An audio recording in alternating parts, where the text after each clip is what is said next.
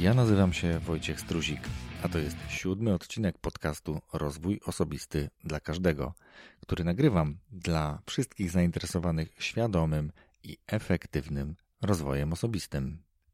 Zapraszam Cię do wysłuchania odcinka, w którym gościem moim był Dominik Juszczyk, a raczej po raz kolejny to ja byłem gościem swojego gościa. Dominik przyjął moje zaproszenie, ale był na tyle miły i grzeczny, że zaprosił mnie do siebie do mieszkania. Mało tego, że zaprosił mnie do siebie do mieszkania. Ten wywiad nagrywaliśmy jego mikrofonami. Szalenie Ci, Dominiku, za to dziękuję. Ja sam słyszę tą różnicę i po spotkaniu z Tobą popędziłem zainwestować w mikrofon. Dominik mówi o sobie, że jest pasjonatem produktywności. Ci, którzy obserwują Dominika na przykład na Instagramie, w jego Insta Stories, widać, że jest nie tylko napisane na jego stronie, że jest pasjonatem. On jest pasjonatem produktywności i mocno pracuje z tym, jak lepiej, jak bardziej efektywnie wykorzystywać czas, jaki nam jest dany. Dominik jest przy okazji bardzo sympatycznym człowiekiem.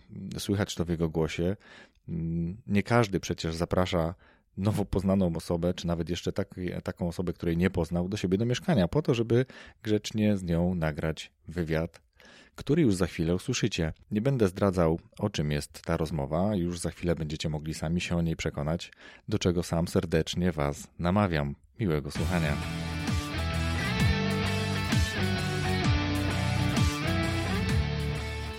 Cześć Dominiku. Cześć, witaj. Bardzo dziękuję po pierwsze za przyjęcie mojego zaproszenia, a po drugie za zaproszenie mnie do siebie, bo nagrywamy ten odcinek u Ciebie w mieszkaniu. Bardzo Ci za to dziękuję. Jest mi bardzo miło Cię gościć. Będzie, będzie miło, domowo, przyjemnie. Jest tak, potwierdzam. Tradycyjnie na początku, bo już utarłem sobie taki schemat, pytam zawsze swoich gości, żeby powiedzieli kilka słów o sobie. Kilka słów. Nazywam się Dominik Juszczyk, prowadzę podcast z pasją na tych stronach, podcast Męskie Spotkania. To jest taka moja działalność, która może być bliska słuchaczom Twojego podcastu. Na co dzień pracuję w swojej własnej firmie. Pomagam e, firmom, zespołom bardziej wykorzystywać ich talenty, wykorzystywać ich talenty, żeby być bardziej produktywnym, efektywnym. E, też pracuję z klientami indywidualnymi, ale najwięcej z, e, z klientami właśnie korporacyjnymi, zespołami, z menedżerami. Mhm. To jest moja codzienność. A ponieważ jest to też moja pasja, praca z talentami dla własnego użytku, w związku, więc e, mam radochę, bo cały czas robię to, co lubię. To słychać, to słychać Dominiku, bo w e, podcastach e, twoich jest niesamowita dawka wiedzy. I przyznam, że słuchając dopiero Twoich podcastów, dotarłem do testu Galupa, mm. zrobiłem go i mocno się utożsamiam z tymi wynikami. Generalnie lubię takie testy, więc mhm. ty, ty, tylko mm, jakby tą wiedzę zaszczepiłeś i pomogłeś zrealizować kolejny test i, i udowodnić swoje pewne pewne mocne strony, talenty. Tak. To też była część mojej wizji, bo jak zaczynałem pracować z talentami, z badaniem StrengthsFinder, no to w Polsce było bardzo mało materiałów na ten temat, w ogóle było bardzo mało popularne to badanie. No i stwierdziłem, ok, no to może mogę zrobić coś, żeby to było bardziej popularne. E, z jednej strony biznesowo, ale z drugiej strony wiem, że to pomaga ludziom, więc e, jestem pod ogromnym wrażeniem takiej książki Dawaj i bierz Adama Granta, więc bardzo wierzę w to, że dawać, dawać, dawać i to gdzieś potem wraca, więc bardzo staram się dawać tę wiedzę na co dzień. To jest też bardzo bliskie mnie, bo wierzę w taką karmę, że to, co dajesz, wraca. Niektórzy mówią, wraca zdwojone, więc niech nie wraca zdwojone, niech po prostu wraca tak, jak jest. Tak, nie krąży też w przestrzeni, nie? Powiedziałeś też przy okazji, że jest to twoja pasja, więc ubiegłeś moje drugie pytanie, bo chciałem zapytać, co jest twoją pasją? Ja jestem bardzo zdziwiony, bo teraz, kiedy na to pytanie odpowiadam, to moją pasją jest tworzenie. I to jest, zdziwienie pochodzi stąd, że jakbyś mnie zapytał o to, nie 4-5 lat temu, to pierwsze trudno było, byłoby mi powiedzieć, co jest moją pasją. Pewnie w okolicach produktywności, efektywności, ale też e, w życiu bym się nie nazwał twórcą, bo pasją jest tworzenie, to, to automatycznie jesteś twórcą. Ale teraz e, najbardziej się spełniam, najbardziej się cieszę, najbardziej wchodzę w taki stan flow, kiedy albo coś piszę, albo coś nagrywam, albo sobie opracowuję e, jakieś materiały, albo czytam książki z myślą o tym, co ja później o tym opowiem, przekażę. Powiem szczerze, że no jestem mega zajawiony właśnie na takie podsumowywanie jakiejś wiedzy, ubieranie to w jakieś myśli, przekazywanie dalej. Bardzo mi się to podoba i Właśnie to przekazywanie dalej, to jest e, bardzo wartościowe. No i dziwię się, że nie chcesz mówić o sobie twórcą. Jesteś twórcą. To jest strasznie duże słowo, wiesz? E, Bo kojarzymy może z artystą, z malarzem, e, wiesz, z, z pisarzem, tak? Natomiast tworzysz bardzo dużo wartościowych treści, zarówno na blogu, jak i w podcaście, więc jesteś twórcą. Tak, no i powoli, powoli zaczynam e, dopuszczać do siebie. Tak naprawdę tu jeszcze miałem wcześniej problem, w ogóle tworzenie, kreatywność, też nie myślałem, że jestem kreatywny. Ja wiesz, uważałem się taki, jestem w ogóle programistą z wykształcenia, więc taki umysł ścisły, e, który nie kojarzy się, nie kojarzy się z kreatywnością, którą my często jednak postrzegamy przez pryzmat właśnie tych artystycznych, e, artystycznych zawodów, e, działalności. Ale tak naprawdę programiści też są kreatywni, bo przecież muszą wymyślać, jak coś zrobić z niczego. Pisarze są kreatywni, blogerzy są kreatywni, więc każdy ma taką swoją kreatywność, jakkolwiek sobie ją zdefiniuje. Więc teraz dopuszczam powoli do, do, do głowy, że jestem twórcą, ale to, to był proces długi. Jeszcze, jeszcze gdzieś tam trwa. Skromność. E, muszę powiedzieć, że jesteś też jednym z wielu mm, twórców. Ja będę mówił, że jesteś twórcą. Jesteś jednym z wielu twórców, którzy wywodzą się właśnie z tego środowiska IT, jeśli tak mogę w skrócie powiedzieć, tak? Czyli albo byli związani z programowaniem, albo z procesami związanymi z tworzeniem aplikacji czy innych rozwiązań IT jest, jest całkiem sporo osób i to jest bardzo twórcze środowisko. Myślę, że wiele osób jeszcze wciąż ma taki stereotyp programisty e, przez pryzmat ubioru i zainteresowań. Czasami nazywamy ich geekami, czasami Właśnie nerdami. chciałem powiedzieć geek. Tak, a, ale to jest bardzo twórcze środowisko. Jak ja popatrzę sobie na znajomych, którzy mm, albo dalej są w IT, albo wokół IT pracują, no to mają przeróżne pasje, przeróżne zainteresowania. Wiele osób e, gra na instrumentach, e, wspina się, jeździ po świecie, prowadzi jakieś blogi kulinarne, nagrywa jakieś materiały wideo. Jest to naprawdę, naprawdę coś fajnego. Też, też dlatego, e, no, mówiąc prost, ludzie w IT zarabiają całkiem nieźle. Jeżeli z równania takiego zmartwień życiowych weźmiemy pieniądze, które musimy zarabiać na utrzymanie, na, na przeżycie e, i, i mamy to zapewnione jakiś tam poziom, no to wtedy jest przestrzeń na to właśnie patrzenie na pasję, na kreatywność. Więc myślę, że, że kiedyś jak dojdziemy do tego poziomu, że wszyscy będą mieć zarobki na takim odpowiednim poziomie, że nie będą dostarczały zmartwień życiowych, to ta pasja, ta kreatywność, to tworzenie się uwolni też większej ilości osób. Ładnie to nazwałeś, zmartwienia życiowe.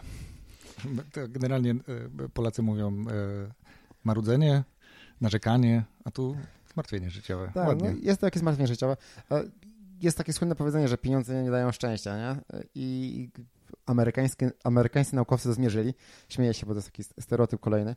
E, gdzieś tam ileś lat temu w Stanach były badania, od jakiego poziomu zarobków rocznie e, pieniądze już nie dają szczęścia. Okazuje się, że jeżeli ktoś zarabia, oni tam określają to na rocznych zarobkach, e, kilka lat temu, 75 tysięcy dolarów rocznie. Jeżeli dostawałeś podwyżkę, to zmieniało twoje postrzeganie szczęścia i zadowolenia z życia. Natomiast jeżeli zarabiałeś rocznie powyżej 75 tysięcy, to już wzrost o te kilka, kilkanaście procent zarobków nie zmieniał bardzo postrzegania twojego życia. Już co innego stawało się ważne. Więc te pieniądze do pewnego momentu są e, czynnikiem w równaniu, szczęście i to, co, co robimy, ale potem już trochę mniejszym. No tak, zbyt wiele pieniędzy na pewno szczęścia nie daje, bo to niejednokrotnie więcej zmartwień i obaw, ale też brak pieniędzy też nie jest powodem do tego, żeby być szczęśliwym, myślę. Brak e, takiej, wiesz, życie w ubóstwie. Tak. To, Czy też na granicy ubóstwa. Tak, to, to też jest, e, też jest tak, zgadzam się z tobą. Miałem przemyślenia, ale, ale mówiąc po prostu się z tobą zgadzam. Dziękuję. Wiesz co, zanim y, popatrzyłem sobie na ściągę, ale zanim jeszcze do tego mm, przejdę, to chciałem pociągnąć jeszcze ten temat IT, bo tak jak słucham ciebie, ja słucham bardzo często, to mam wrażenie, że mm, słucham ciebie, ale też innych osób, które właśnie wywodzą się z tego środowiska, to mam takie przekonanie, że te osoby mają takie bardzo poukładane mm, procesy w życiu, tak? W życiu prywatnym, w życiu zawodowym, że to też ma takie korzenie właśnie y, IT. No, na pewno y, jeżeli ktoś pracuje w IT, ogólnie jako programi, programiści, czy w ogóle po studiach informatycznych, no to siłą rzeczy ma pewne wykształcenie i styczność z, z pewnym podejściem, e, czy to algorytmicznym, czy to logicznym myśleniem, e, czy rzeczami, które po prostu są potrzebne, żeby być dobrym programistą. E, programowanie w takich, u takich podstaw jest bardzo proste. Dostajemy coś problem na wejściu, mamy coś zrobić, żeby na wyjściu było coś innego. No i to w środku przetwarzamy, tego się uczymy. No i myślę, że takie podejście jest rzeczywiście czymś, co potem można stosować przez analogię do innych obszarów życia. E, śmieszne jest to, że ja tak naprawdę odszedłem od programowania, że ponieważ widziałem innych, którzy myśleli bardziej logicznie e, i byli bardziej poukładani niż ja, bo ja miałem gdzieś tam ograniczenia takiego po prostu myślenia abstrakcyjnego, ale zdecydowanie widzę, widzę takie, e, taki rys, rys w charakterze, może w podejściu, nie wiem, czy to można nazwać charakterem, ale no, ludzie w IT, ludzie wywodzący się z IT mają pewien wspólny sposób myślenia. Jeżeli zrobisz coś, to wyjdzie z tego coś, więc co możesz robić, żeby uzyskać wynik, jaki chcesz? Super, to bardzo fajnie ze sobą współgra. I tutaj po twojej mm, ścieżce kariery, jeśli tak mogę powiedzieć, pojawił się później HR, czyli Human Resources, czyli taka praca z ludźmi, rozwój ludzi. Tak, tak. E, ja z programisty zmigrowałem najpierw na lidera zespołu, potem e, menedżera zespołu, potem e, prowadziłem większy zespół w różnych lokalizacjach. No i w pewnym momencie kilka zespołów w firmie, w której pracowałem, zostały scalone w jeden zespół, bo zmiana strategii. No i szukałem swojego miejsca. No, okazało się, że akurat były przekształcenia. To była bardzo fajna firma, bo pozwalała szukać swojego miejsca. Tam już wtedy wiedziano, że zrobiłem certyfikację Instytutu Galupa jako trener. Bardzo często mówią o produktywności, efektywności, pracy w różnych e, obszarach, więc stwierdziliśmy, że takim naturalnym moją przestrzenią będzie, będzie praca z, mm, z HR-em. Więc moja ostatnia rola na, na etacie, tak zwany po amerykańsku 9 to 5 job, nie? od 9 do 5, chociaż nigdy nie, nie pracowałem od 9 do 5, zawsze chodziłem od 7 do, do, do 3 do, do pracy. E, no to było właśnie szef, szef HR-ów, e, pracowałem z, z działem Human Resources, aczkolwiek od razu powiem, że jedno z moich ulubionych rozwinięć tego skrótu dzięki, dzięki Marcinowi Karolinie z Agile Nuts to jest Happy Relations. Tak, czyli szczęśliwe, słuchałem, szczęśliwe słuchałem relacje, tego. tak? Super. Wiesz co, to mi tak, może to być takim trochę zaskoczeniem, tak? Czyli, że ze środowiska tego bardzo procesowego, być może stereotypowo wiązanego z geekami właśnie e, IT, przeszedłeś do Human Resources. Ale ja chciałem zapytać, czy też Happy Relations, hmm. ale ja chciałem zapytać ciebie bardziej w kontekście takim, ponieważ ja prowadzę też e, zajęcia z młodzieżą w trochę innych obszarach, ale jednak z młodzieżą i to na tym wieku takim kiedy zaczyna się podejmowanie decyzji. To mhm. jest jeszcze koniec gimnazjum, a za chwilę to pewnie będą gdzieś e, lica. Mm, gdyby wśród nich były osoby, które zastanawiają się właśnie nad kierunkiem, czy wybrać IT, czy nie wybrać IT, to co byś im doradził? Ojejku, strasznie, strasznie trudne pytanie. E, poradziłbym chyba spróbować, bo może, może jeszcze powiem coś wcześniej. Wydaje mi się, że nie wiem dokładnie z którego roku jesteś, ale ja jestem rocznik 80. Mój tata właśnie, mój tata właśnie przyszedł na emeryturę po 45 latach pracy w jednym zakładzie pracy, e, na różnych stanowiskach, ale w jednym zakładzie pracy. I ja jeszcze mam w pamięci tego rodzaju pracy, że się wybierało zawód i pracowało się w tym zawodzie przez, e, przez całe życie. No, jesteśmy, żyjemy w takim świecie, że to już jest przeszłość i jest bardzo mało zawodów, które wybieramy raz na całe życie, co myślę, że ściąga bardzo presję z tego wyboru. E, ja jestem całym sercem za próbowaniem z eksplorowaniem różnych obszarów, e, zwłaszcza, zwłaszcza e, w tak młodym wieku, bo tak naprawdę jak e, te osoby mają początek liceum, to jest 17, 18 lat, 16 może. Ja odkąd zacząłem pracę, zacząłem pracę na, jak miałem 23 lata, 22-23 lata, teraz mam 39, jak sobie ostatnio liczyłem, 7 albo 8 razy zmieniałem to, co robię. Nie były to rewolucje, były bardziej ewolucje, ale jednak była, była to zmiana. I wszystko polegało na tym, że robiłem coś, a potem próbowałem sobie czegoś innego, po troszeczkę. I w tak młodym wieku, jeżeli zaczniemy próbować różne obszary, to budujemy ten kapitał doświadczenia, który potem pozwala naprawdę zobaczyć, ok, tu jest szansa, coś mi się podoba, to mogę w tym kierunku iść. E, jest jeden obszar, który mógłbym chyba polecić e, ludziom w tym wieku. Zresztą jak rozmawiam z moimi synami, którzy mają 14-11 lat, jeszcze patrzą na mnie jak na wariatach, mówię, co, co mają wybierać w życiu, E, ale jest taki jeden obszar, który mi ja mocno sugeruję, e, który bardzo pożyczam od Kala Newporta, e, który napisał takie dwie bardzo fajne książki. Praca głęboka, Deep Work i mm, So Good They Can't Ignore You, czyli tak dobre, że nie mogą cię zignorować. I on mówi, że jak patrzymy na przyszłość, to są dwie kluczowe umiejętności, które będą potrzebne, żeby odnieść sukces na rynku pracy. Nie mówi w jakiej roli, tylko na rynku pracy. Mhm. To jest umiejętność skupiania się i umiejętność szybkiego uczenia się. Więc skupiając się na tych dwóch obszarach, jak się skupić szybko, jak e, szybko się uczyć. Próbowałbym różne obszary, zobaczyć, co mi się podoba, co mi się nie podoba, e, gdzie jest mi coś łatwiej, gdzie jest mi e, trudniej. Sam Instytut Galupa wskazuje też takie obszary, które można eksplorować, gdzie zapominamy, że czas płynie, gdzie sprawiamy, gdzie pracujemy, robimy coś, co nam sprawia radość i, i chcemy tam z chęcią przychodzić, a nie z takim wzdrygnięciem, że o, znowu muszę tam iść. To są takie małe wskazówki tych obszarów, które nam się podobają. Więc próbować, próbować i uczyć się skupiania i szybkiego uczenia. No i właśnie o tym skupieniu chciałem powiedzieć, bo ci młodzi ludzie mam wrażenie, że mają coraz większy problem przez tą ilość bodźców i postęp technologiczny, mają coraz większy problem w skupianiu się. Nie tylko młodzi, my też chyba. Fakt. no jest, jest, jest duży problem. E, żyjemy w tak zwanym świecie instant, że potrzebujemy od razu, od razu różnych rzeczy. E, Dzieci czy młodzież natychmiastowej gratyfikacji. tak, tak. E, I, My też to lubimy. tak, no chociaż ja, ja właśnie piszę tekst na, na bloga, który mówi o dwóch me, metaumiejętnościach, które ja się nauczyłem przez ostatnie kilka lat, które sprawiają, że mogę być efektywny. To jest właśnie umiejętność odraczania nagrody e, i umiejętność dostrzegania mikropostępów, e, które pozwala tę nagrodę odro, odroczyć. Wiesz co, e, nie wiem jak poradzić młodzieży, co robić, żeby się bardziej skupiać. Mogę poradzić coś rodzicom. Ewidentnie, fajnie. Ewidentnie idzie przykład z góry.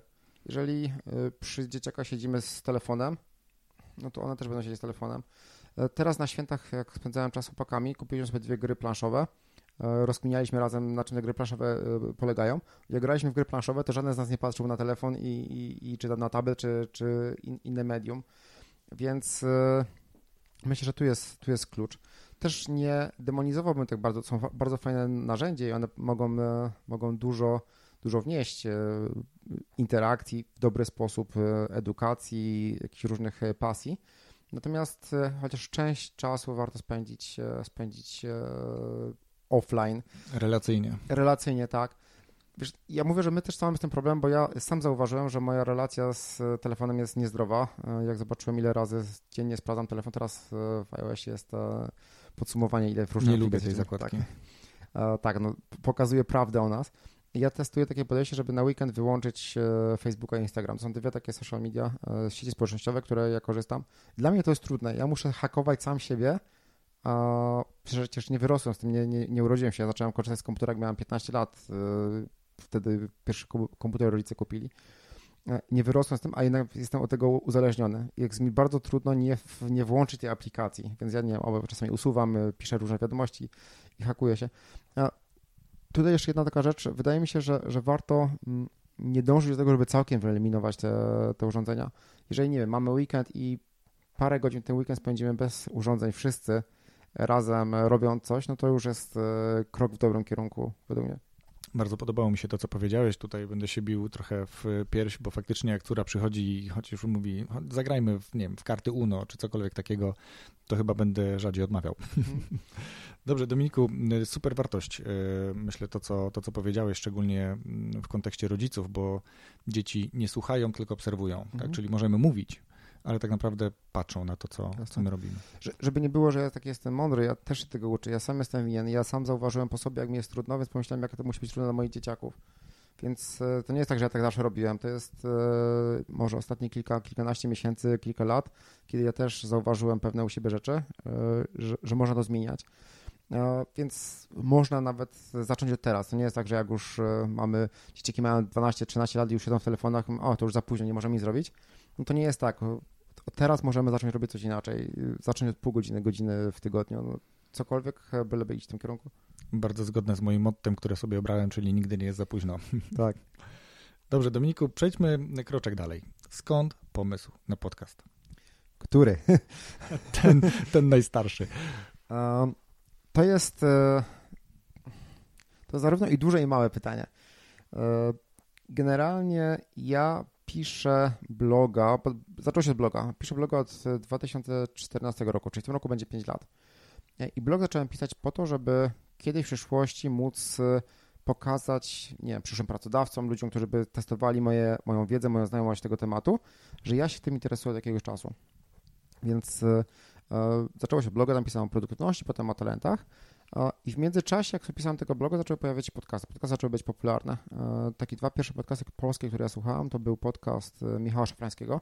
Pewnie większość e, osób się wychowało w cudzysłowie na tym Uśmiecham podcastie. się, tak? bo dokładnie tak było. I, I bardzo mi się podobał sposób przekazywania jego wiedzy. I potem był podcast Mariusza Hrabko, Manager Plus. Bardzo fajny podcast dla menedżerów o, o zwinnej organizacji. E, I ja sobie podsłuchiwałem te podcasty i myślałem, kurczę, fajnie byłoby tak, e, takie coś e, prowadzić. E, Podobało mi się też, że to jest bez wideo, więc to jest takie bardziej intymne. Słucham, kiedy, kiedy biegam, kiedy sprzątam, kiedy, kiedy jadę, więc nie ma tego potrzeby patrzenia na ekran. No ale jednocześnie się bałem. Bałem się bardzo Sprawy techniczne też, ale bardziej się bałem tego, że jak ja coś nagram, to już na zawsze będzie, będzie w internecie. Bardziej niż słowo, którego nie mogę wrócić, znaczy do którego mogę wrócić. Łatwiej wyedytować post na blogu, niż wyedytować podcast, który się wypuściło, jest już nagrany audio. Ja miałem wtedy jeszcze dużo obaw z tym, że mówię mało wyraźnie. To, co teraz y, słyszycie, to już jest wersja po pracy z, z trenerem głosu, z trenerką głosu. Pozdrawiam Magdę, zrobiła dużo, dużo dobrego dla mnie. Razem zrobiliśmy to, ona, ona nic zrobiła, sam ci czułem.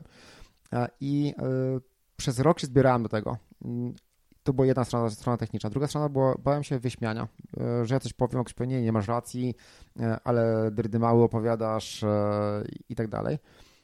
No i to wszystko, to wszystko sumowało się do tego, że przesuwałem ten, przesuwałem tę część, e, ten start podcastu. Natomiast cały czas go chciałem nagrywać, bo widziałem, że mogę dać wartość, której nie było na rynku. E, było bardzo mało materiałów o e, talentach Instytutu Galupa. Były świetne materiały po angielsku, ale po polsku nic nie było.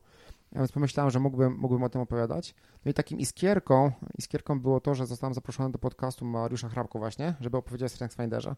Poszedłem do niego, zobaczyłem jaki ma sprzęt. Mhm. Strasznie się zdenerwowałem. Jak ktoś odsłucha ten, ten odcinek, możemy zalinkować, to słuchać tam drżenie no głosu. zrobimy. I, i, I mega się denerwowałem, ale jednocześnie zobaczyłem, że to nie jest takie straszne. Więc byłem u niego, ostatnio o tym pisałem dziś, byłem u niego w lutym. W czerwcu już miałem sprzęt kupiony, no i tam całe te rzeczy, które się robi przy starcie podcastu, czyli okładkę, muzyczka, no i, no i wypuściłem trzy, trzy odcinki. Pierwszy odcinek nagrywałem 17 razy, nie, nie uzmysłowiłem sobie, że mogę wyłączyć się w trakcie nagrywania, poprawić, powiedzieć Marcinowi, który składa mi odcinki, żeby poprawić e, to, co tam się nagrało. Więc droga była, była długa, natomiast e, celem było to, żeby podzielić się moimi przemyśleniami, moją wiedzą i dać dostęp do polskich materiałów. E, trzeba było po drodze pokonać siebie, trochę wstyd, trochę ograniczenia, trochę, trochę strach przed opinią innych osób. Tak, taka była geneza, geneza podcastu. Zupełnie naturalne obawy. A kiedy te obawy prysnęły? Znaczy już nie mówię o tym, że zdecydowałeś się nagrać, tylko kiedy już tak uznałeś, że w sumie to, co nagrałeś, no, spotyka się z odbiorem. Dwie sprawy tutaj, dwie strony. To, że spotyka się z odbiorem, widziałem po statystykach, to jest fajne, bo pierwsze wypuściłem we wrześniu 2016 roku, miałem taki cel, żeby było 1000 pobrań do, do końca roku, czyli przez 4 miesiące. Do końca roku było 10 tysięcy pobrań więc e, dużo więcej. Więc zobaczymy, ok, jest, e, jest chwyciło.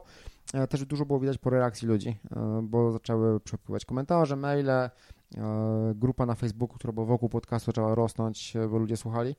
Więc takie potwierdzenie social proof społeczne pojawiło się bardzo szybko. Natomiast świadomość tego, że, że, że robię to dobrze i już się nie boję, no to nie, dalej nie ma tego. Dalej no, się boję. Co ty? Nagrywam setny, setny odcinek za chwilę. Nagrywam setny odcinek i za każdym razem, jak włączam, to jest takie uch, włączam audio, spinka.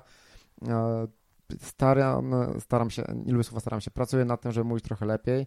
E, cały czas mam obawę, czy to, co powiedziałem, jest e, adekwatne, czy, czy nie więc jest to trudne. Dalej mam trudność z odsłuchiwaniem własnych odcinków po nagraniu, no bo już, no tak powiedziałem, edycja jest trudniejsza. Jest to trochę łatwiejsze, widzę różną, dużą różnicę na takim swobodzie mówienia, bo jednak jak włączam mikrofon, to dużo łatwiej mi w cudzysłowie nawijać do, do tego mikrofonu. E, przy pierwszym odcinku dużo bardziej robiłem sobie scenariusze i spisywałem sobie, co mam powiedzieć. Teraz piszę tylko główne punkty, bo wiem, że jestem w stanie o tym opowiadać tak w miarę naturalnie.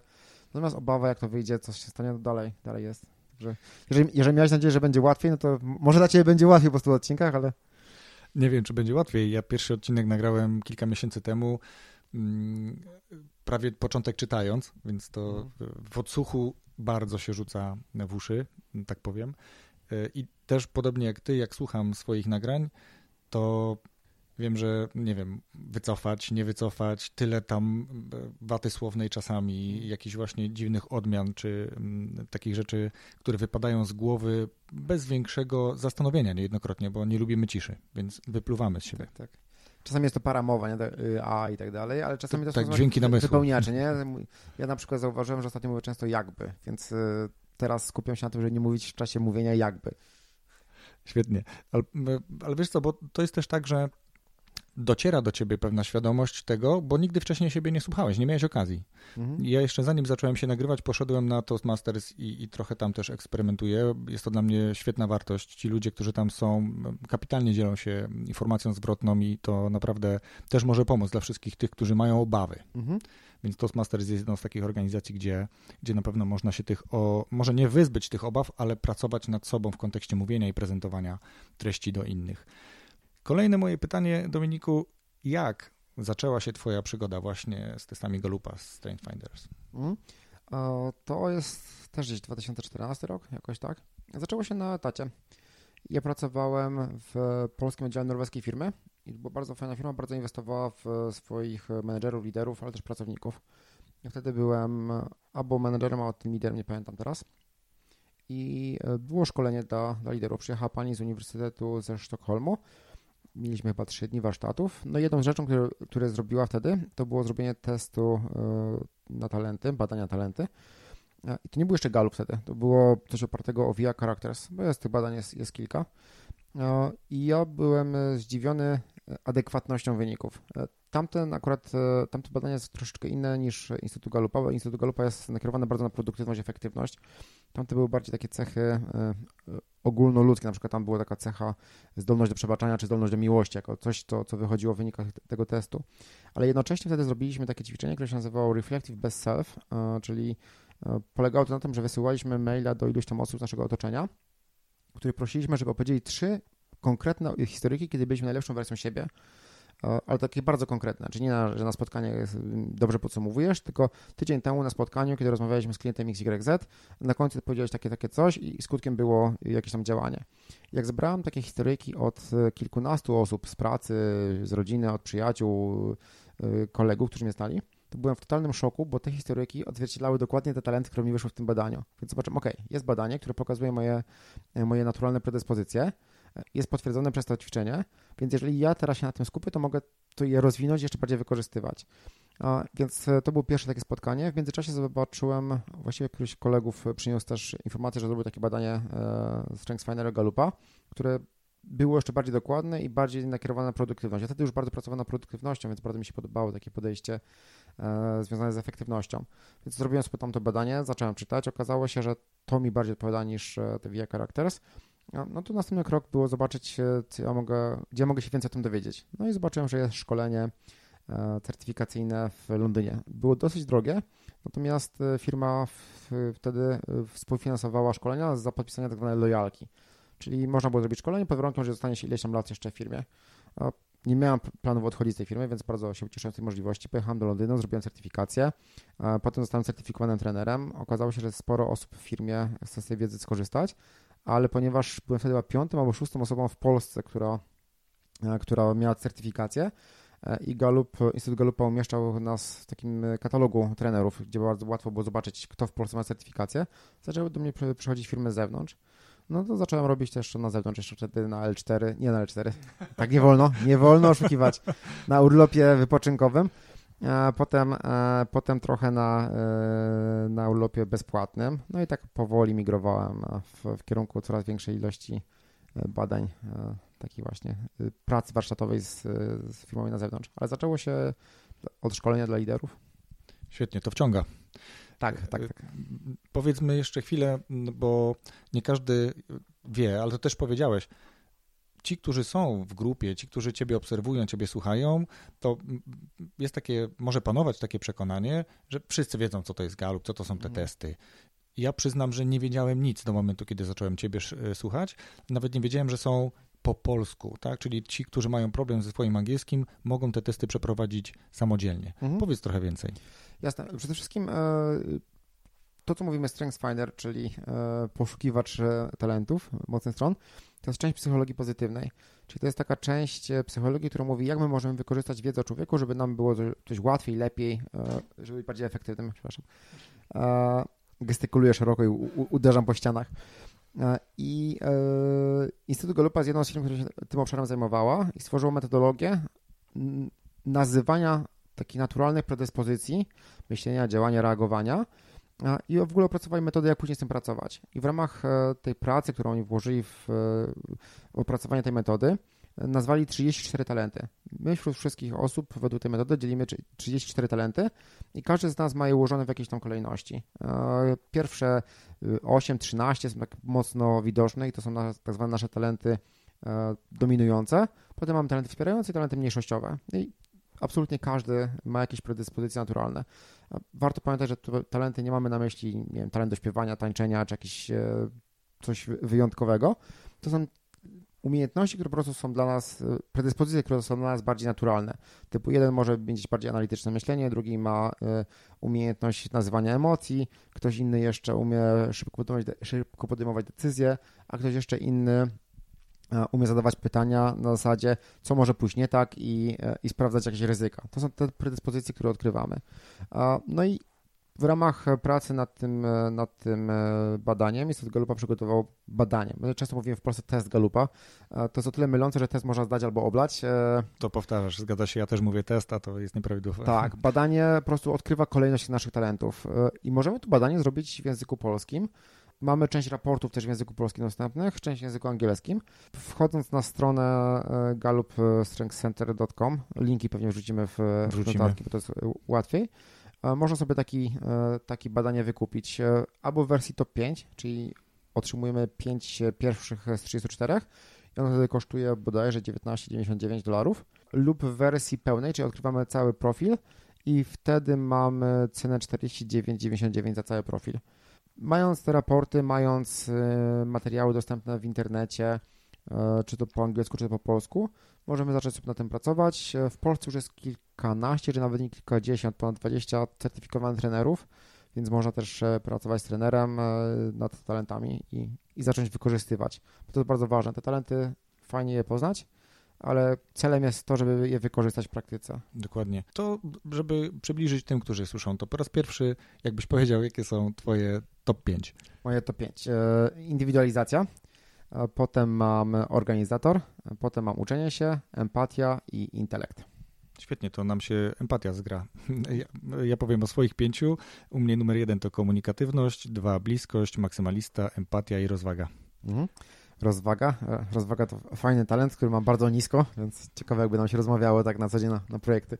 Ważne jest to, przynajmniej dla mnie, że te top 5 e, jest w języku polskim opis dokładny, mhm. natomiast wszystkie 34 podstawowy opis jest też po polsku, ale już taki głębszy chyba jest w języku angielskim, dobrze tak, mówię? Tak, e, tak. Mamy dostępne kilka raportów. Mamy dostępny tak zwany raport ogólny. On jest dostępny w języku polskim, czyli jak byśmy porównywali opis empatii w tym raporcie po polsku mój i twój, to to będzie dokładnie ten sam tekst. Natomiast gdybyśmy popatrzyli na tak zwany raport spersonalizowany, który niestety jest tylko w języku angielskim, ale dlatego jest w języku angielskim, że jest bardzo dużo kombinacji tych opisów, bo to jest e, opis, e, raport spersonalizowany, czyli w kontekście pozostałych talentów e, i tam opis twojej empatii będzie w kontekście komunikatywności maksymalizera i tych innych talentów, które masz to 5, a właściwie w całym profilu. No i moja empatia będzie w kontekście mojej indywidualizacji, intelektu i pozostałych talentów, więc one się będą, będą różnić warto spróbować chociażby go otworzyć, jeżeli ktoś zna angielski trochę, to myślę, że sobie z tym poradzi lub wesprzeć się z kimś, kto może pomóc, bo te raporty są najlepszymi raportami. Natomiast ten pierwszy raport e, ogólny już wystarczy do pracy, plus, tak jak powiedziałem, mnóstwo materiałów, które są dostępne w internecie już po polsku, e, które pozwalają no, mocno, mocno pracować już z tymi, z, tymi, e, z tymi talentami, które mamy z tego badania to jakbyśmy powiedzieli jeszcze teraz, jaką wartość takie badanie może dać e, tym pozostałym osobom, no dobra, tym wszystkim osobom, które takie badanie sobie zrobią? Jasne. E, przede wszystkim poznajemy nasz naturalny sposób działania. Talenty nie mówią, co możemy robić, tylko jak będziemy coś robić. Czyli... Jeszcze jakbyśmy, przerwę ci, przepraszam, e, Jasne. powiedzieli chwilę o przebieg samego testu, bo to jest bardzo intuicyjny test, prawda? Znaczy tak, test, tak. znowu mówię test, przepraszam. Badanie, nie, badanie. Nie, nie, ma problemu. E, ważne, że powiedzieliśmy, z czego to wynika, to już później skrót myślowy. E, badanie to jest 177 pytań, które składa się z dwóch określeń. Po lewej, po prawej stronie mamy dwa określenia, które są czasami z zupełnie innej bajki i na skali musimy zaznaczyć, jak bardzo blisko jesteśmy którego, którego stwierdzenia. Kluczowe jest to, że na każdą odpowiedź, na każde takie parę wyrazów mamy 20 sekund na odpowiedź, e, czyli nie mamy czasu na zastanowienie się, trzeba odpowiadać mocno intuicyjnie. I to też ważne, żeby podkreślić, to nie jest badanie przecież dla kogoś, tylko robimy to dla siebie, więc żeby odpowiadać jak najbardziej zgodnie z zasobą, prawda? Tak, tak, żeby, żeby mieć z tego wartość, no to warto usłyszeć to, co... To, co Dobrze, to teraz wróćmy do tego pytania, o które, o które zapytałem. Mhm. Jasne, jaką wartość tego mamy? E, talenty mówią, Instytut Gallupa mówi, że talent to jest wrodzona predyspozycja myślenia, działania, reagowania, które może być produktywnie wykorzystana. Ta produktywność jest definiowana nie robienie więcej, tylko robienia w lepszy sposób dla siebie. Czyli możemy wykorzystać je do lepszego działania. Talenty mówią o tym, jak coś będziemy robić. Czyli znając swoje talenty, ja na przykład pomagam y, różnym osobom wypracować ich sesję produktywności. Zupełnie inaczej będzie działała osoba, która ma talent dyscyplina, czyli y, naturalne tworzenie procesów, procedur i wykonywanie ich regularnie, a inaczej będzie działała osoba, która ma talent elastyczność, która żyje tu i teraz, reaguje na zmianę, ale jak ma jakieś rutynowe działania, to się bardzo szybko nudzi i demotywuje te dwie osoby będą różnie działać, jeżeli chodzi o, o planowanie czasu. E, znając swoje talenty, możemy się zastanowić, jak podchodzimy do komunikacji, jak delegujemy zadania, e, jak e, najlepiej z nami się komunikować. Możemy opowiedzieć innym, czego potrzebujemy od tych osób, żeby efektywnie pracować. Możemy opowiedzieć o tym, jakie, jaką wartość wnosimy do zespołów. Więc ten czas docierania się zespołów jest dużo krótszy, bo od razu startujemy ze zrozumieniem, a, ty robisz tak, bo to jest dla ciebie naturalne. Więc takie poznanie siebie w kierunku tego, żeby produktywnie, efektywnie robić wszelakie rzeczy tak naprawdę. Dla mnie na przykład ten test e, miał ogromną wartość w moich relacjach. Jeżeli ja widzę, że e, ktoś ma wysoko talent analityk, to ja wiem, że jeżeli tą osobę o coś proszę, to naturalnym jest dla mnie teraz, żeby dać sobie chwilę czasu, żeby się na tym zastanowiła, bo będę miał lepszą odpowiedź. Co dla mnie nie jest do końca naturalne, bo mam aktywatora, ale ja wiem, że ja chcę osiągnąć jakiś cel, więc przemyślałem to wcześniej inaczej do, inaczej do tej osoby podchodzę. Jeżeli widzę, że ktoś ma talent, e, pryncypialność, belief, osadzenia wartości, no to skłaniam się do tego, żeby te wartości zapytać, jakie masz wartości, żeby ich nie przekroczyć w jakiś sposób. Dzięki temu mam wdzięczność do osoby e, i wiem, że też e, pracując nad tymi, a nie innymi wartościami, ta osoba będzie bardzo zaangażowana. Więc ja też mam zupełnie inne, inne tego podejście.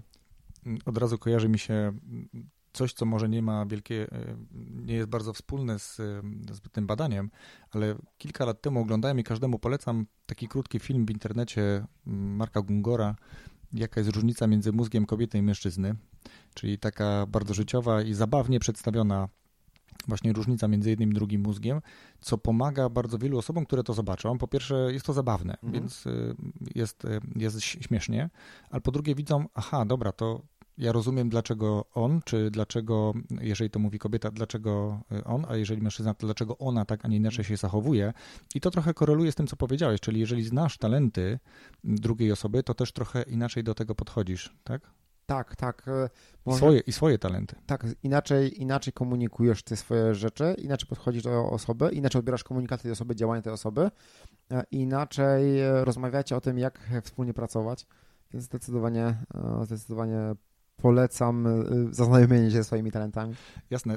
Mówisz też często o tym, może nie często, ale goście, z którymi rozmawiasz, często mówią o tym, że jako para, małżeństwo jako para, też robili razem ten test i to też im pewien obraz swoich relacji e, przedstawia. Czy to też można w takich e, relacjach właśnie z bliską osobą wykorzystać? Jak najbardziej. Tam też się komunikujemy, tam też robimy rzeczy, tam też coś, coś wykonujemy.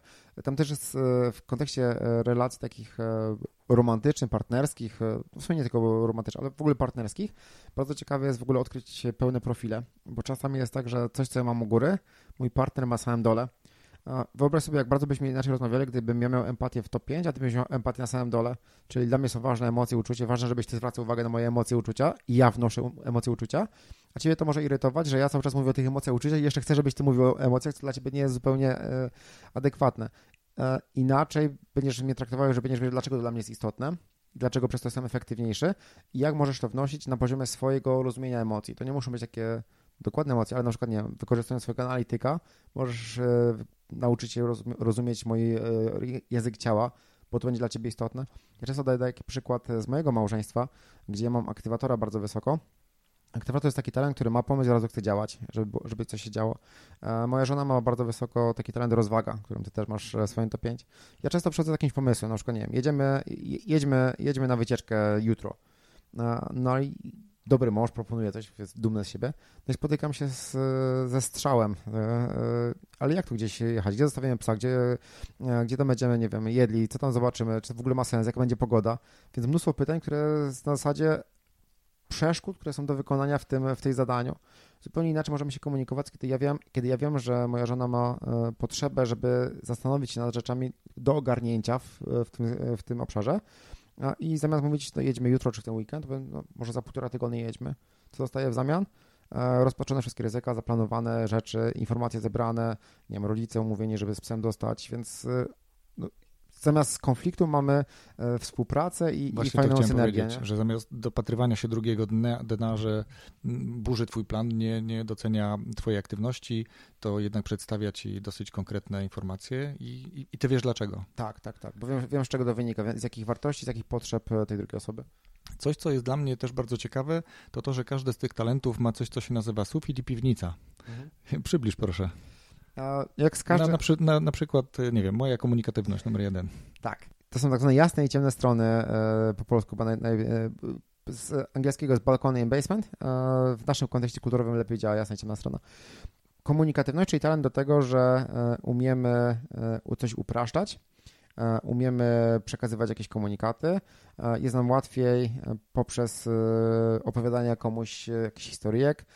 Też uczymy się poprzez to, że sprawdzamy coś, poprzez to, że z kimś rozmawiamy patrzymy, jak ta osoba reaguje.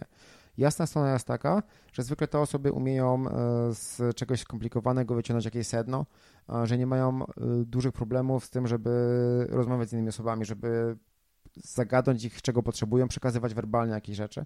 I to jest coś, co pozwala być bardziej efektywnym e, właśnie na poziomie komunikacyjnym. Jaka jest ciemna strona tego? No czasami przez to jesteśmy bardziej postrzegani jako gadatliwi. E, czasami jesteśmy zirytowani, jak ktoś mówi na okrętkę i nie ma tego prostego komunikatu, a my widzimy, że on tam już to ma, więc mu przerywamy, ale wiemy o co ci chodzi, a ta osoba miałaby potrzebę, żeby coś opowiedzieć. E, czasami mamy zapędy jakieś szumeńskie, bo chcemy cały czas opowiadać. Więc z jednej strony nam pomaga, z drugiej strony nam przeszkadza ten, ten talent.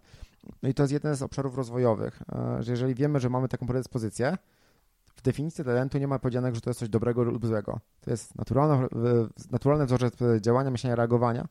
Więc naszym zadaniem jest e, sprawdzić, jak to w przeszłości było i wyciągnąć z tego wnioski na przyszłość. Czyli jeżeli w przeszłości nam ten talent pomagał, to jak możemy to robić więcej? Jeżeli widzimy, że to podejście, ten wrodzony wzorzec postępowania, działania, myślenia, reagowania czasami nas kopał w cztery litery, no to co możemy zrobić, żeby wyeliminować to zadanie, e, ten sposób działania? No i to też jest jeden z obszarów rozwojowych właśnie talentów. Bardzo fajnie, dziękuję, że to przybliżyłeś. I teraz y, nie bez powodu powiedziałem, żebyś na tym przykładzie powiedział, bo ja bardzo walczę, akurat u ciebie tego nie ma. Ty bardzo rzeczowo, y, zwięźle i ciekawie opowiadasz. Natomiast faktycznie ja mam tendencję w tym swoim talencie numer jeden do tego, żeby wchodzić komuś w zdanie, ale mając tego świadomość, bardzo tego pinuję i staram się dać front drugiej osobie, żeby wypowiedziała się w pełni i no, widać poprawę. Jasne. A jednocześnie z Twoim talentem, e, gdybym opowiedział konkretnie, możesz pomóc mi, e, robiąc parafrazę i podsumowanie tego czegoś za pomocą komunikatywności. Czyli wiedząc, że warto się wycofać, dalej możesz wykorzystać ten talent, żeby na koniec powiedzieć, to jest moje podsumowanie, czy o to Ci chodziło. I to jest też jasna strona talentu komunikatywność. Cieszę się, pomaga mi to. Dobrze, e, wiesz co, taka rzecz narzuciła mi się na uszy, jeśli tak mogę powiedzieć, mm, słuchając Twoich podcastów i bardzo mi się to podoba masz tendencję do tłumaczenia pewnych znaczeń czy zapożyczeń z innych języków słuchaczom. Na przykład ktoś przychodzi i mówi, że tam, no dobrze, o feedbacku nie musimy tłumaczyć, każdy wie co to jest, ale pojawiają się słowa i przywiązujesz dużą wagę do tego, żeby gość lub ty sam tłumaczysz o co chodzi. Skąd to się bierze? Z dwóch rzeczy. E, trochę indywidualizacja i empatia. Wiem, jak ja bym się czuł, gdyby ktoś użył mojego języka i nie miałbym, nie miałbym e, e, możliwości zapytania o co chodzi. A druga rzecz, ja z tej takiej mojej drugiej nogi, czyli produktywności, efektywności, jestem bardzo świadomy czegoś, co się nazywa klątwa wiedzy. My jako coś już wiemy, to zapominamy, jak to było, tego nie wiedzieć. Czasami nas powstrzymuje przed, przed działaniem. Pamiętam, że byłem pod ogromnym wrażeniem e, po przeczytaniu książki mm, e, biografii Ilona Maska który jest postacią kontrowersyjną e, z wielu względów.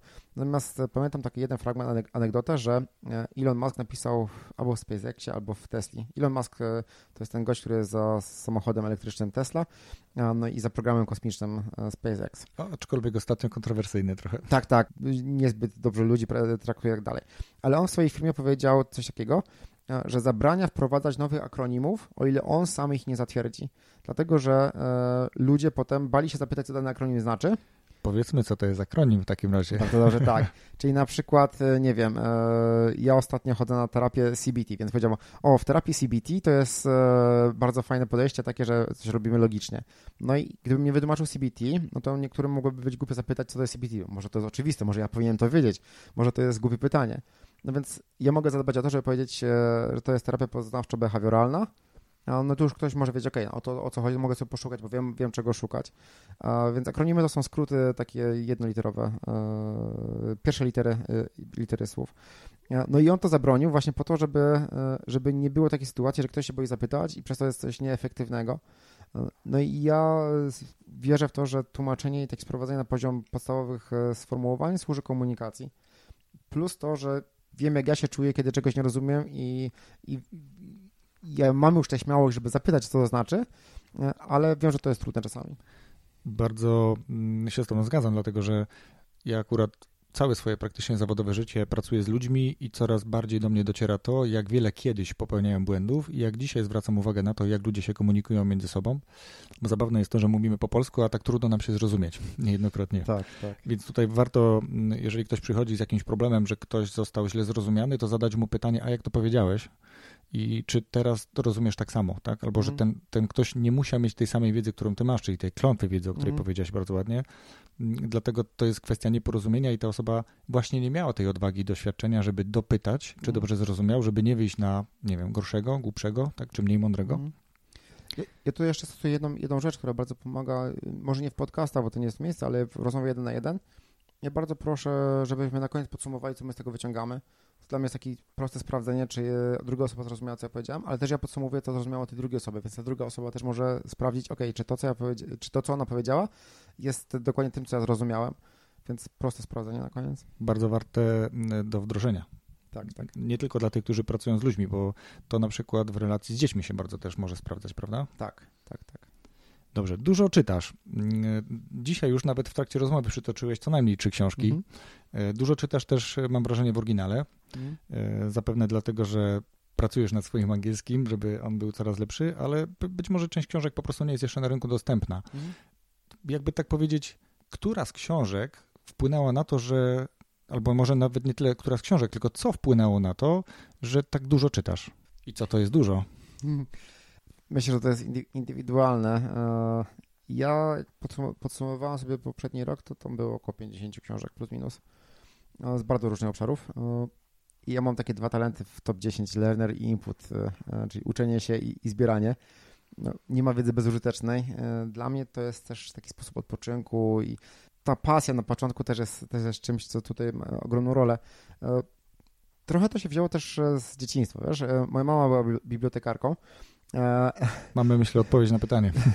Była bibliotekarką szkolną, więc często po lekcjach nie szedłem do domu, tylko zostawałem w bibliotece. No się nudziłem, więc po prostu brałem książki z, z półki i, czytałem. Potem mieszkaliśmy daleko od centrum, e, więc nie było też rówieśników, byliśmy jednym z pierwszych, którzy się prowadzili na osiedle. No to też książki mi towarzyszyły cały czas e, i, i tak jakoś zostało. To jest czysta przyjemność dla mnie czytać, a teraz tak naprawdę to jest jedno z moich głównych źródeł, źródeł wiedzy. Bardzo lubię czytać kilka książek na dany temat i potem wyciągać jakąś sumę z tego. Bardzo lubię czytać biografię, to dla talentu indywidualizacja jest e, świetne, świetne zasilenie. Lubię czytać reportaże, e, no, mnóstwo rzeczy czytam. E, odpoczynek, pasja, rozwój, te, te trzy, trzy obszary tutaj są spełnione to się bardzo fajnie składa w jedną wielką całość, dlatego że rozwój osobisty, czyli motyw przewodni mojego podcastu, ale też e, rozwój osobisty nie w samej nazwie, ale w tym, co ty robisz na co dzień, też bardzo mocno mhm. się przenika. A czytanie książek też bardzo mocno, znowu powiem, koreluje właśnie z rozwojem osobistym, tak? Mm, czytaniem tych e, książek, które może nie w samej nazwie, mm, z założenia są, bo tak jak powiedziałeś, no biografia niekoniecznie kojarzy się z rozwojem osobistym, ale w bardzo wielu aspektach tak to należy traktować, tak? Mhm. Bo tam osoba, mm, ponieważ jest to biografia, opisuje swoje własne doświadczenia i na tej też e, podstawie możemy się uczyć. Dobrze, a przeskakując jeszcze na chwilę z tematu książek, e, chciałem Cię zapytać o to, jak być skutecznym w realizowaniu swoich założeń i mówię założeń, chociaż mamy już początek lutego 2019 roku i to jest taki okres, kiedy mówimy często jeszcze o postanowieniach, ale wszyscy ci, którzy raczej starają się być skuteczni, mówią właśnie o jakichś założeniach, o planach, o celach, a nie o mm, e, postanowieniach, szczególnie noworocznych. Jak być skutecznym? Rozumiem, że mamy dwie godziny, żeby o tym opowiadać, tak? jest, jest kilka takich podstawowych rzeczy, które, e, które ja się uczę wciąż. Ja nad produktywnością, efektywnością, taką skutecznością pracuję od 2010 roku. Tam się to zaczęło. Stąd moje pytanie. Tak. E, I dzisiaj ci odpowiem inaczej, niż bym powiedział po roku temu, niż bym powiedział rok temu. Więc takim największym, e, największym czynnikiem, który wpływa na naszą skuteczność, są nasze nawyki. Jeżeli mamy odpowiednie nawyki, to będziemy skuteczni. Nawyki, czyli sposób taki działania półautomatyczny, który pomija nasz obszar mózgu decyzyjny. Nawyki mogą być dobre i złe, więc mówimy o dobrych nawykach. Ja ostatnio wpisałem wpis na swoim blogu, gdzie wypisałem nawyki wokół mojej produktywności. Jak potem policzyłem te nawyki, to jest ich 21. 21 nawyków, które budowałem przez kilka, kilka lat. I dzięki temu dla mnie naturalnym jest to, że w piątek rano siadam i robię podsumowanie tygodnia. Naturalnym jest to, że jak mi wpada pomysł do głowy, e, to ja zapisuję go na liście, a nie mówię, o, to zapamiętam go. To są po prostu te mini, mini e, automatyzmy, które sprawiają, że jestem e, produktywny. Już jest mnóstwo cytatów. Najsłynniejszy chyba jest Arystotelesa, że jesteśmy tym, co robimy, tym, co powtarzamy w kontekście nawyków. Więc to jest, to jest jedna rzecz, e, która bardzo, bardzo pomaga. I to jest ten taki system e, trochę operacyjny. Bycie działania. skutecznym. Bycie mhm. skutecznym. Natomiast e, drugi wymiar, który jest mega istotny, to jest taka świadomość, po co my jesteśmy skuteczni, czyli w kierunku, w którym idziemy. Czyli nie tylko robię, tylko dlaczego to robię. Dlaczego to robię, mhm. tak. Te nawyki pozwalają robić to w dobry sposób, efektywne dla ciebie, natomiast warto zaprząc tę maszynę do czegoś, co jest, to jest istotne. No i tutaj już chyba każdy może sobie wyznaczać trochę na własny sposób. Bardzo wierzę, że talenty pomagają w różny sposób wyznaczać e, e, swój sposób działania, no ale każdy może się zastanowić, e, jeżeli nie chociażby o, jeżeli nie na poziomie wizji życia, czyli tam jak chcę być zapamiętany, jak już go nie będzie na świecie, to chociażby takim postrzeganiu, ok, czy jak za 3 lata będę w tym samym miejscu, co jestem teraz, to będę zadowolony, czy nie. Jeżeli nie, no to w jakim miejscu chcę iść, w jakim kierunku chcę iść. Chociażby ten mały, małe przemyślenie, w jakim kierunku chcę iść, pozwala tę maszynę skierować na właściwe tory, albo przynajmniej trochę w tym kierunku, którym, którym chcielibyśmy się poruszać. Więc e, czasami zadawanie sobie takich pytań większych, e, co ja chcę osiągnąć, jakie cele chcę osiągnąć, jakie mam aspiracje, w którym kierunku chcę iść. Mogą to być większe pytania w kontekście życia, mogą być mniejsze w kontekście, nie wiem, chociażby kwartału, czy tam nawet tygodnia dla niektórych. E, poniedziałek usiąść, co by było dobrze, żeby w tym tygodniu się stało, no już pozwala e, robić coś efektywniej. Czyli, czyli e, z jednej strony jak, nawyki, powtarzalność, e, dobre rutyny, a z drugiej strony świadomość, w którym kierunku idę, dlaczego to robię. Chciałem podsumować, właśnie to zrobiłeś. Ja mam wrażenie, mam większą trudność w wyrobieniu sobie dobrych nawyków, które chciałbym mieć. O tak bym powiedział. Chciałbym je mieć. Mm, rozumiem, że powiesz mi, że mogę się tego nauczyć spotykasz mnie w styczniu 2019 roku. Ja właśnie pis kończę pisać e-booka o tym, jak, e, jakie są sposoby budowania nawyków. Wypisałem bodajże 30 sposobów budowania nawyków i piszę, które talenty, z których e, technik mogą skorzystać najbardziej. Bo w zależności od talentu możesz różnie budować te nawyki. Jak masz talent e, uczenia się, no to będziesz chciał robić coś nowego, będziesz na każdym kroku chciał wiedzieć, czego nowego się dowiedziałeś i będziesz inaczej budował nawyki niż osoba, która ma talent, e, odpowiedzialność, która powiedziała codziennie zrobię X, Y, Z i będzie to regularnie wykonywać, bo, bo to powiedziała, zużyła taką deklarację. Więc warto znaleźć sobie ten spo, swój sposób. Natomiast e, polecę kolejną książkę. E, ostatnio przeczytałem rewelacyjną książkę. Niestety jest, na razie tylko w języku angielskim, ale jest na tyle dobra, że przypuszczam, że niedługo będzie przetłumaczona. Nazywa, nazywa się Atomic Habits atomowe. To tak do, do, do kolegi Osmana by trzeba było chyba. Tak, tak, on takie książki, e, książki sprowadza. I e, tam jest e, wiele bardzo praktycznych, praktycznych sposobów. Generalnie nawyk to jest jakaś wskazówka, jakieś działanie i na końcu nagroda. Więc jeżeli umiemy dostrzec, co jest naszą wskazówką, jakie chcemy działanie budować, jaką nagrodę z tego mamy, no to mamy już pierwszy krok do, do budowania nawyków w właściwy sposób. Na przykład ja mam buduję sobie teraz nawyk niejedzenia słodyczy. Słodycze są dla mnie niezdrowe, mam tendencje genetyczne do przebierania na wadze. Słodycze są niezdrowe tak. dla wszystkich, powiedzmy, nie tylko dla ciebie. Tak, więc są, są niezdrowe. No i ja wiem, do tej pory robiłem tak, że y, po prostu mówiłem, że nie będę jadł słodyczy. Za każdym razem po dwóch, trzech tygodniach y, niejedzenia słodyczy miałem takie, takie dążenie do cukru, że, że no po prostu napakowałem się tych słodyczy, no i nawyk umierał. Zmieniłem teraz podejście właśnie na, też na podstawie książki e, Atomic Habits. Tam jest jedna z takich metod, się nazywa point and call, czyli wskaż e, i zawołaj. I teraz nie buduję nawyku nie jedzenia słodyczy, tylko buduję sobie nawyk, że za każdym razem jak sięgam po słodycz, to sobie chcę coś powiedzieć. Mówię, to jest słodycz, e, nie chcę jeść tych słodyczy, bo źle wpływa na moje zdrowie i będę źle wyglądał w golfie, a chcę dobrze wyglądać w golfie. I potem, czy zjem słodycz, czy nie słodycz, to już nie jest złamanie nawyku. Natomiast w 90, praktycznie 8-9% przypadków, jak sobie to do siebie powiem, to ja tego słodycza nie zjem. Ja wiem, że ten sposób budowania nawyku jest dla mnie lepszy, e, bo gdybym się złamał, no to cały nawyk pójdzie, e, pójdzie już do, do piachu. A to, że buduję nawyk tylko mówienia sobie, co jest dla mnie w miarę proste, już powoduje, że tych słodyczy nie jem. Więc to jest też takie trochę hakowanie siebie, nie?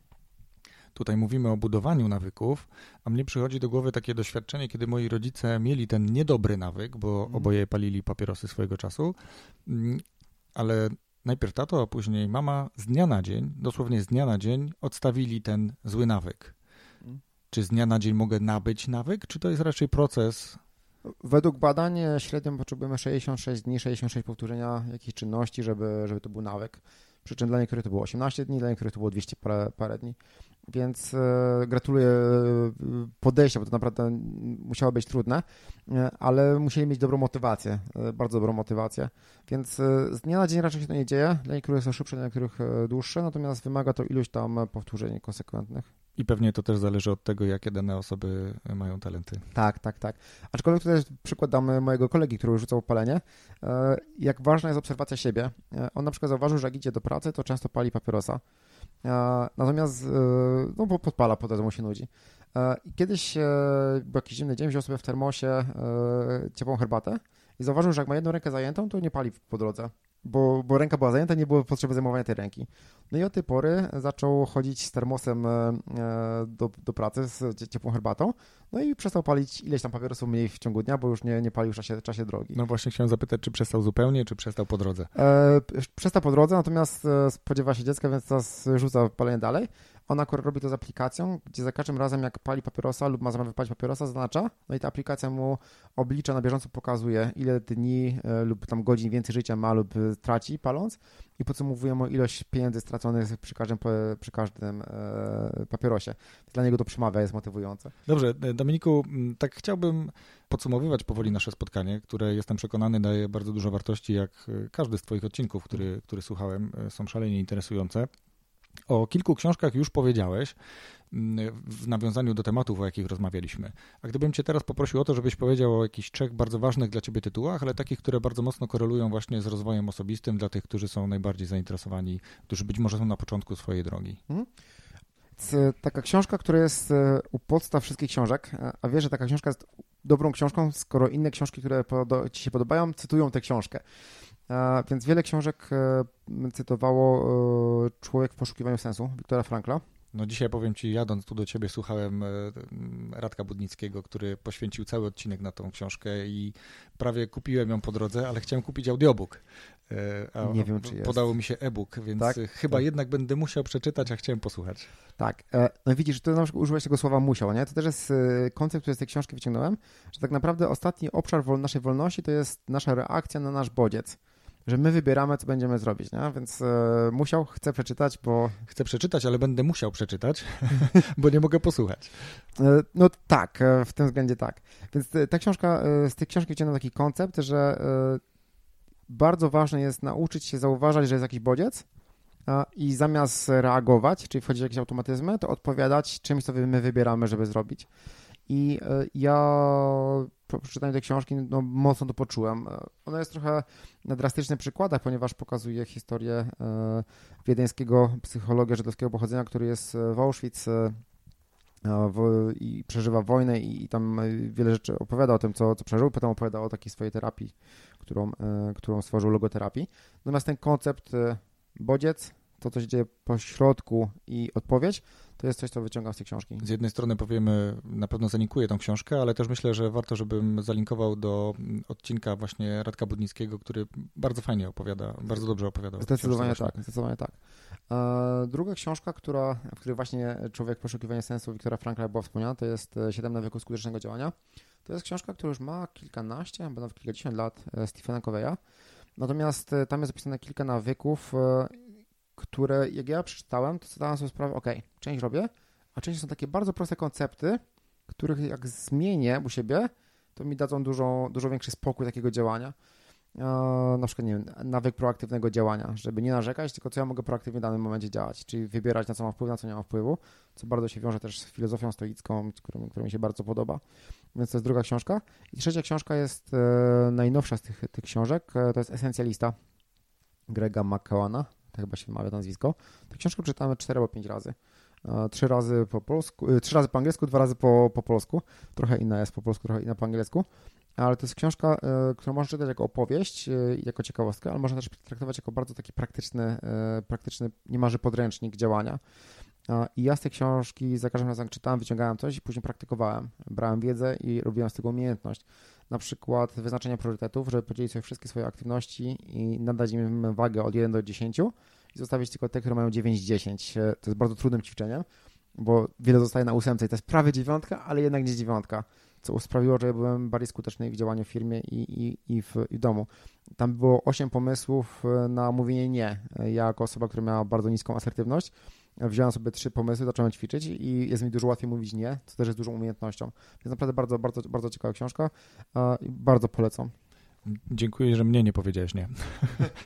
Ale trochę w odniesieniu też do tego, co powiedziałeś, jesteś jedną z tych osób, która mówi, że czytasz książkę kilka razy. Ja próbowałem zabrać się za niektórą książkę kolejny raz. Mhm. Być może moje talenty są na zupełnie innym poziomie, ale jeden z moich e, wykładowców, profesor e, Mruk e, w Wyższej Szkole Zarządzania i Bankowości w Poznaniu, mówi, że on słucha, dużo jeździ, więc słucha i mówi, że książkę uznaje za przeczytaną, tudzież przesłuchaną w momencie, kiedy przesłucha ją właśnie pięć razy. Wtedy ma przeświadczenie, że cała wartość, która w książce jest zawarta, jest przyswojona. Jasne.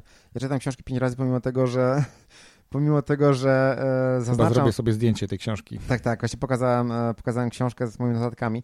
Ja czytam książki bardzo aktywnie, e, podkreślam rzeczy, zaznaczam ikonkami, e, które oznaczają dla mnie jakby typ wiadomości, plus zaznaczam miejsce w książce.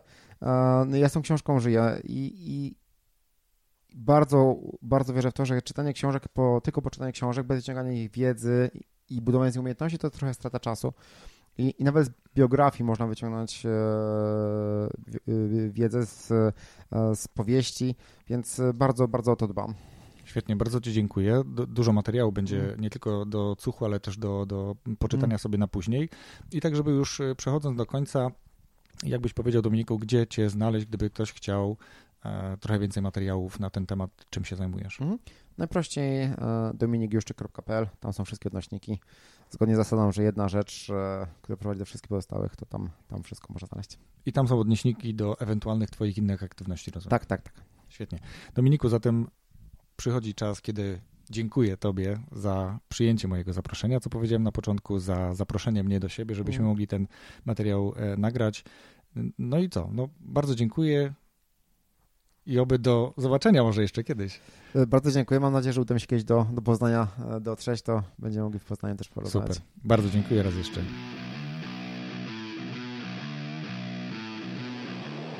Właśnie wysłuchałeś kolejnego odcinka podcastu Rozwój Osobisty dla Każdego. Jak Wam się podobała rozmowa z Dominikiem? Ja do dzisiaj jestem jeszcze pod wielkim wrażeniem tego, co opowiadał Dominik, o czym, w jaki sposób. Szczególnie jestem pod wrażeniem tego, jak bardzo koncentruje się czytając swoje książki i jak skrupulatnie robi to, zaznaczając co ważniejsze fragmenty, a jest ich, jak widać na przykładzie książki, którą dał mi sfotografować i którą zamieszczę w opisie tego podcastu, jak wiele tych znaczników wkłada w tą książkę. W tej książce, którą wrzuciłem na zdjęciu, jest co najmniej kilkadziesiąt karteczek, które dla Dominika w wielu aspektach są ważne. Zobaczcie, jak można to robić, i to jest dowód na to, jak Dominik mocno pracuje z produktywnością. Nawet w czytaniu książki jest mega super produktywny. Jeśli podobał Ci się ten odcinek, zachęcam Cię gorąco do subskrybowania go w swojej aplikacji do słuchania podcastów. Jeśli słuchasz je na swoim smartfonie z systemem iOS, proszę Cię również o komentarz, wypowiedzenie się na temat tego podcastu, tego odcinka, który właśnie wysłuchałeś. Jeszcze raz bardzo dziękuję Ci za wysłuchanie tego materiału. Mam nadzieję, że wrażenia są pozytywne i zaczerpnąłeś z tego materiału dużą e, wartość dla siebie. No i cóż, do miłego słuchania kolejnego odcinka, który już niebawem. Wszystkiego dobrego.